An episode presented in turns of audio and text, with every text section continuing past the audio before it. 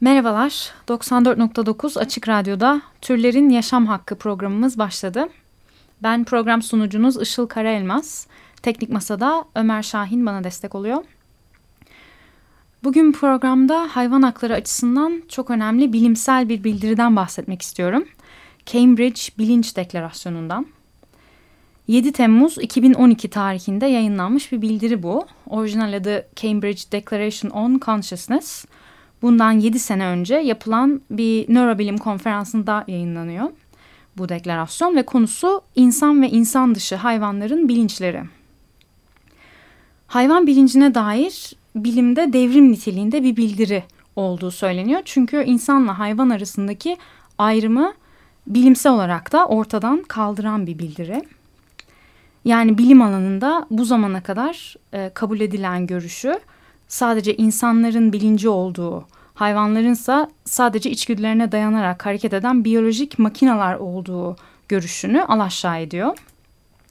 Ve onların da insan gibi bilinç sahibi canlılar olduklarını bilimsel olarak ortaya koyuyor. Konferanstan kısaca bahsetmek gerekirse konferansın adı Francis Crick Anma Konferansı. Konusu insanda ve insan dışı hayvanlarda bilinç ve konferansı organize eden Dr. Philip Law hayvanlarda bilinç üstüne çalışan bir nörobilimci ve araştırmacı. Konferansı düzenleme sebebini de şöyle anlatıyor kendisi. E, adı, konferansa adını veren Francis Crick onun hocası, Philip Law'un hocası. Ve ölmeden önce e, Philip Law'a yönelik bir sorusu var. E, Philip Law araştırmasında kuşların REM uykusunun olduğunu buluyor. Ve Francis Crick bunun üzerine şu soruyu yöneltiyor. Kuşlarda REM uykusunun olması kuşların bilinci bakımından ne anlama geliyor? Bu soruya cevap bulmak üzere Philip Law uluslararası bu nörobilim konferansını düzenliyor. Ve konuşmacıları arasında Stephen Hawking de var. Geçtiğimiz sene kaybettiğimiz e, ünlü fizikçi bu konferansın onur konuğu. Günün sonunda da tüm konferans katılımcısı bilim insanları bu Cambridge Bilinç Deklarasyonu'nu imzalıyorlar. Ee, Stephen Hawking de dahil olmak üzere. Bu bir buçuk sayfalık ve gayet kolay anlaşılabilecek bir metin. Ee, sanıyorum özellikle de anlaşılabilir bir metin yazıyorlar. Çünkü metnin hedef kitlesi bilim dünyasından ziyade halk. Yani bizlere açıklanıyor aslında. İlgilenenler bu konferans e, detaylarına ve tam metne, deklarasyonun metnine konferansın sitesinden de bakabilirler. Ben ilgili bütün linkleri ve metni de e, Açık Radyo.com.tr'de programın sayfasına ekleyeceğim. Şimdi esas meseleye gelelim. Ne diyor bu Cambridge Bilinç Deklarasyonu ve hayvan hakları açısından neden bu kadar önemli? Bu bildirinin en önemli bölümünün Türkçe çevirisini okumak istiyorum ben. Sonra da ne anlama geldiğini konuşalım. Şimdi okuyacağım bu bölümü e, çevirisini Zülal Kalkandele'nin kendi web sitesinden aldım. Web sitesinde e, bu deklarasyonla ilgili bir makale var. Sadece başına önceki cümleyi de ben çevirerek ekledim paragrafın başına.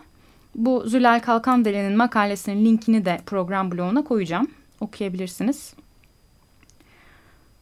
Metni okumak gerekirse şöyle diyor Metin.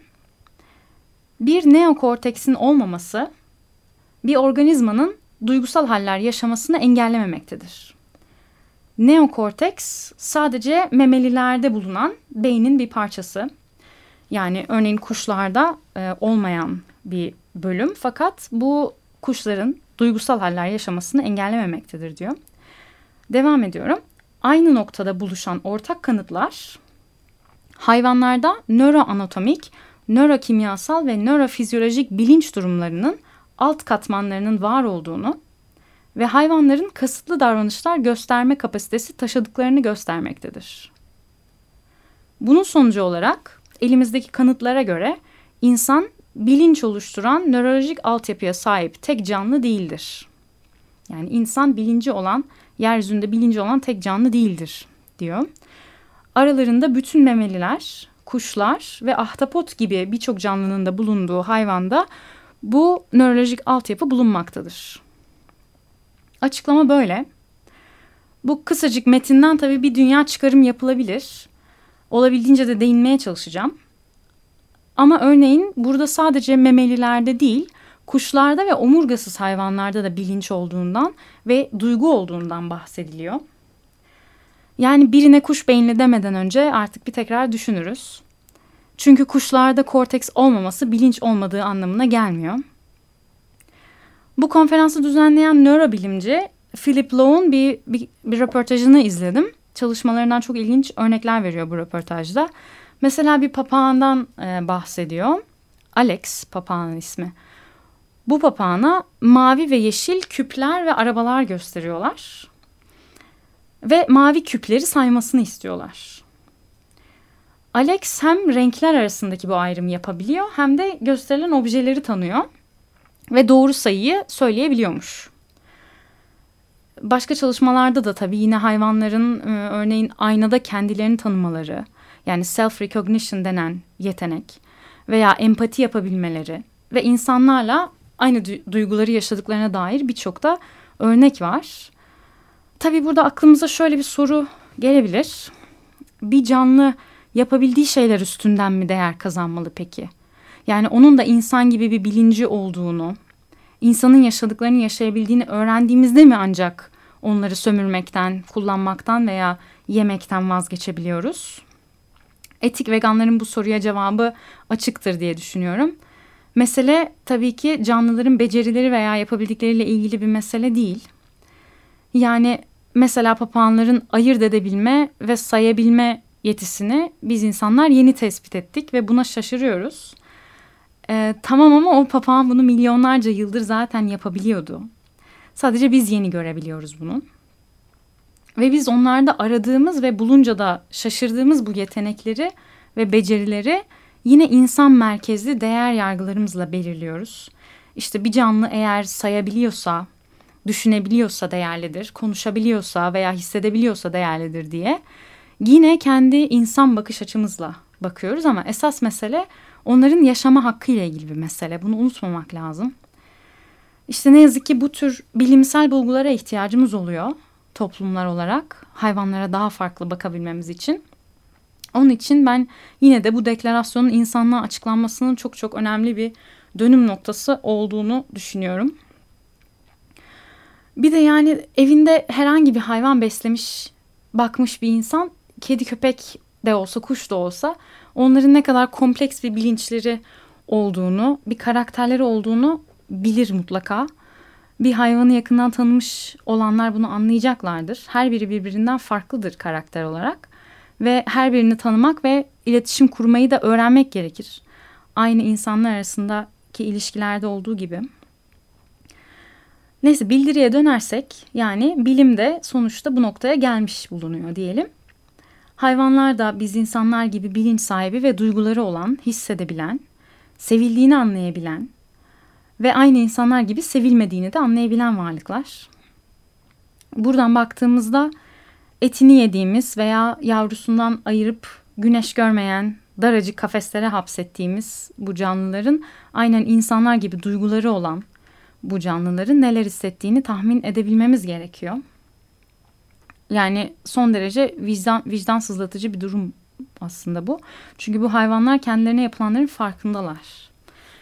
Ve deklarasyonu yazan Dr. Philip Lowe'un dediği gibi artık bunu gösteren kanıtlar o kadar bariz ve ortada ki şu noktada dönüp aa biz bilmiyorduk diyemiyoruz artık.